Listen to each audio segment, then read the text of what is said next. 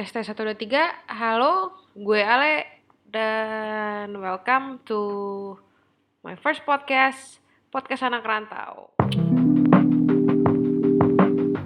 Teman, jadi gue ini baru ya dalam bikin podcast. Em, bikin podcast itu sebenarnya gue gak ada ide sama sekali. Eh, semenjak banyak orang yang membuat podcast, baik itu eh, misalnya kayak PORD punya Bang Raditya Dika, atau kalau enggak podcast-podcast yang ada di Spotify lah. Dan saat itu gue mulai terinspirasi untuk membuat sebuah podcast. Topik yang akan kita bicarakan hari ini, kita, gua bicarakan kali ini, maksudnya kita itu, aku dan kamu dan kita semua akan membahas gimana sih rasanya jadi anak rantau selama lu eh, baik lu sekolah, kuliah atau kerja. Eh, fokusnya di sini adalah gua membahas lebih banyak tentang anak rantau yang kuliah di suatu kota yang sangat maju di Indonesia. Yaitu ibu kotanya yang dulu tapi sekarang kan ibu kota udah pindah nih. Jadi ya kota aja Em, jadi yang gue pengen ceritain adalah gak muluk-muluk amat sih yang pengen gue ceritain. Jadi rantau itu sebenarnya tidak seperti apa yang kalian pikirkan. Ya namanya homesick itu pasti ada. Merantau itu gimana ya? Kalau mau gue bilang merantau itu lebih kepada lu hidup sendiri. Oh jelas merantau kan?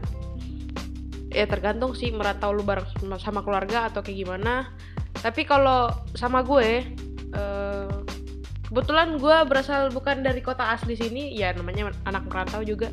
Gue bukan asli dari Jakarta gue berasal dari kota kota lain ya termasuk kota besar juga sih di Indonesia. Gue hidup sendiri di Jakarta gue ada keluarga tapi gue nggak pernah ngunjungin keluarga itu karena alasannya keluarga gue itu ada di Bekasi. Ya makanya gue nggak pernah kunjungin karena jauh. Dan gue tuh adalah tipe anak rantau yang sangat males untuk jalan-jalan. Gue itu sangat sangat nyaman untuk hidup sendiri dan tinggal dalam tempat tinggal gue di mana gue itu nggak terlalu gimana ya gue sebenarnya nggak terlalu suka untuk eh, berada di tempat ramai. Kebanyakan dari teman-teman gue baik yang perantau ataupun enggak di usia-usia seperti gue mereka itu apalagi anak kuliahan. Namanya konser mah pasti suka dateng kan. Nah kalau gue tuh enggak. Gue tuh tipe yang nggak suka banget namanya pergi konser nonton konser. Eh gue lebih hidup lebih hidup sendiri lah. Gue lebih seneng untuk hidup sendiri.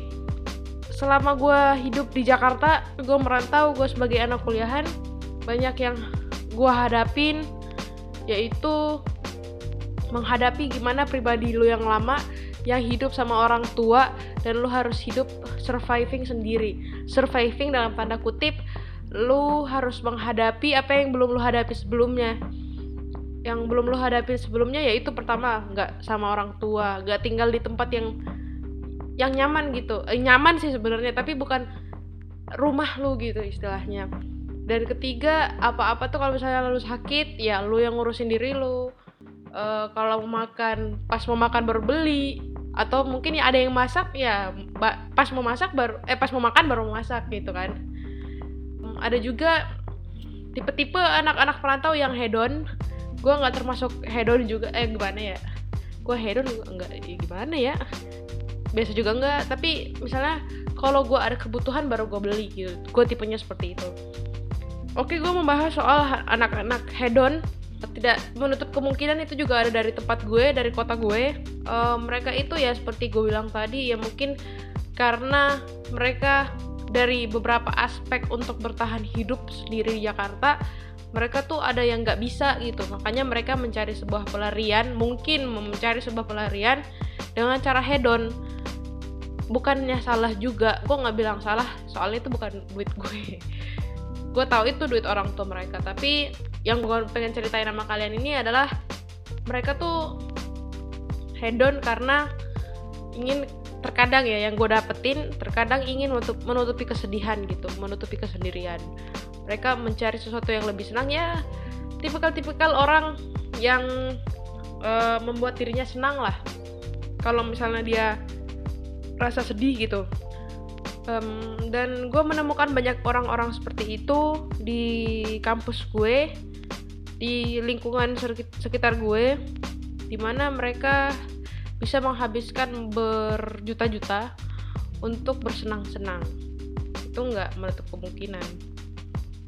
Uh, dan seperti gue yang gue bilang tadi gue hidup sendirian tidak suka hedon hedon tapi nggak juga gue mencoba mengcover segala kesedihan gue dengan menonton Upin Ipin dengan Shaun the Sheep ah thank you. Upin Ipin dan Shaun the Sheep gue kena copyright kali ya Upin Ipin. Gue menonton hal-hal seperti itu membuat hati gue senang. Pokoknya apa pun yang bikin lo senang selama itu tidak mem memberi efek negatif sama lo kerjain aja gitu. Dan uh, yang mau gue ceritain lagi adalah hambatan-hambatan yang gue alamin selama gue merantau dan kuliah juga namanya hidup sendiri ya berarti lu tidak mendapatkan motivasi secara langsung dari orang tua di mana mungkin ada teman-teman beberapa orang yang tipenya adalah bercerita dengan orang tua, mendapatkan motivasi orang tua, lalu terbangun untuk melaksanakan segala sesuatu untuk lebih berhasil ke depannya. Nah, kalau di sini tuh karena mungkin kita nggak face to face sama orang tua, bisanya juga cuma telepon, dan kadang juga kita tahu orang tua juga sibuk, kadang kita juga sibuk sebagai anak kuliahan. Akhirnya kita jarang uh, jarang ngomong sama orang tua, dan ya begitu itu adalah sebuah indikasi di mana lu bisa gagal dalam dunia perkuliahan. Bukan dunia perkuliahan seperti membina hubungan sama temen enggak. Lebih kepada akademik gitu dulu semester 1 gue pernah drop banget nilai gue di mana nilai gue tuh dominan B min A nya cuma satu C ada. Hitungannya gue nggak SP tapi eh, gimana ya berat aja gitu. IP nya jadi jelek. Nah itu di situ waktu itu gue ya namanya baru pertama apa sih merantau kan ya baru jauh dari orang tua baru merasakan gimana hidup sendiri. Sebenarnya gue bisa hidup sendiri tapi ya mungkin kita juga tetap butuh dukungan orang tua secara langsung. Mungkin gue tergolong anak manja gue nggak tahu. Tapi jujur dari gue gue seperti itu. Gue drop banget nilai gue drop. Salah satu faktornya juga adalah teman-teman. Di mana uh, eh, gue tidak ingin menjudge teman-teman gue sih sebenarnya. Bukan salah mereka juga sih salah gue juga. Karena gue nggak bisa seambis mereka seambisius mereka. Mereka tuh ambisius tapi seperti menjatuhkan orang ya. Banyaklah seperti itu ada yang karena pengen menang pengen nilainya bagus dia harus menjatuhkan orang ada juga yang enggak. Nah kebetulan waktu itu teman-teman gue seperti itu. Bukan cuma gue yang merasakan dan ternyata banyak yang merasakan juga. Tapi gue rasa ya udahlah jalanin aja. Ya hasilnya seperti itu. Nilai gue jelek gue lanjut di semester 2 semester 2 juga hampir sama seperti itu. Gue menjalani semuanya tapi ada satu temen gitu ada temen yang bisa mendengarkan cerita gue. Dia bisa apa ya orang sabar gitu lu sabar emang namanya merantau itu gak segampang itu. Dan lu harus berjuang lu harus berjuang buat orang yang udah berjuang mati-matian biar lu masuk kuliah lu lancar biar uang kuliah lu tuh terbayar dan semuanya baik-baik saja. Lu harus berjuang untuk itu. Dia adalah temen, satu teman gue yang gue nggak mau sebutin namanya.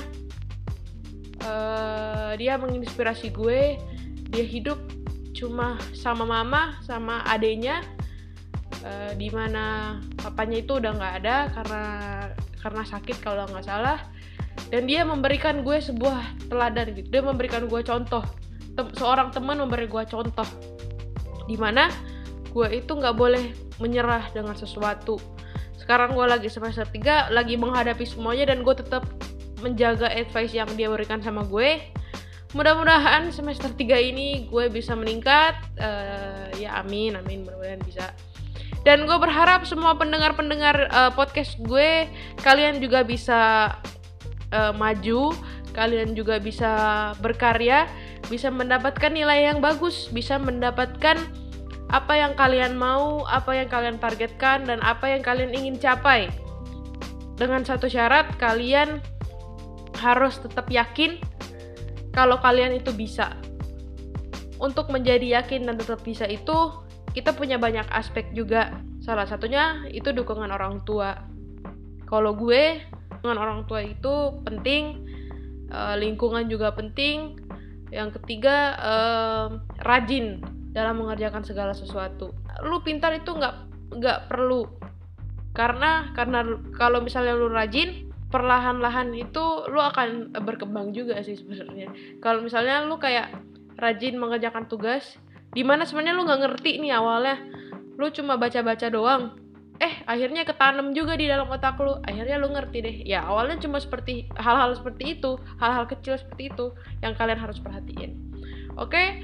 Uh, kayaknya sampai di sini aja podcast gue. Kali ini nanti kita akan berjumpa lagi di podcast podcast selanjutnya dengan banyak tips dan trik dan banyak cerita-cerita yang unik lainnya. Sampai jumpa dan over and out. Podcast anak rantau pamit undur diri